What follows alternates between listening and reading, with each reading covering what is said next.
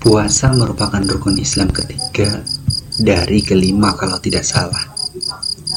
Sebulan penuh dalam puasa Ramadan, hambanya ditempa dalam sajadah makna yang begitu luas. Buka sahur dalam berpuasa, banyak arti yang tidak aku mengerti. Yang jelas, sifat hewani dalam diri kita bisa diminimalisir melalui instrumen puasa kali ini. Penjual takjil dadakan berjejer di bahu-bahu jalan dan tepi-tepi sungai. Pukul 4 sore sampai setengah 6, orang-orang berhalu lalang berburu takjil. Lantunan adzan maghrib memberi lampu hijau untuk menyegerakan berbuka.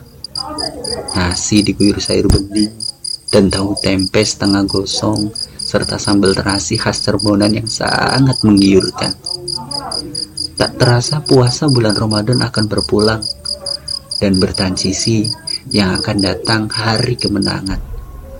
Kupat dan rendang pasti selalu ada dalam menu sajian lebaran, di mana pada malam harinya saling bertukar zakat fitrah, subuh-subuhnya saling kirim ketupat, dan setelah sholat id, kami sekampung menyaksikan bersama-sama letupan-letupan mercon yang teramat mengasihkan. Sajadah dan sorban menjadi pelindung hidung dari kepulan-kepulan asap mercon yang berkecambah dalam awang-awang. Dan tentunya riuhan sayup-sayup tetangga berkunjung ke rumah-rumah tidak pernah terlewatkan. Mencicipi sebuneka hidangan tetangga, kaleng konghuan isi rempeyek kerap jadi bahan tawa. Namun, akankah euforia lebaran kali ini berbeda? Datangnya pandemi membuat ujung bibir sulit untuk ditarik. Ekonomi keluarga begitu bengkak. Bantuan PSBB hanya jadi harap.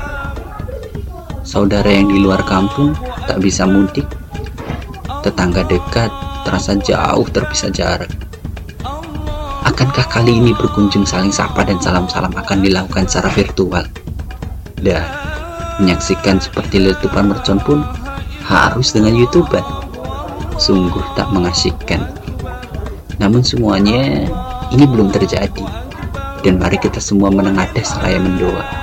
Allahumma fa'nal ghala wal bala wal waba fid dunya fi baladina Indonesia. Amin amin amin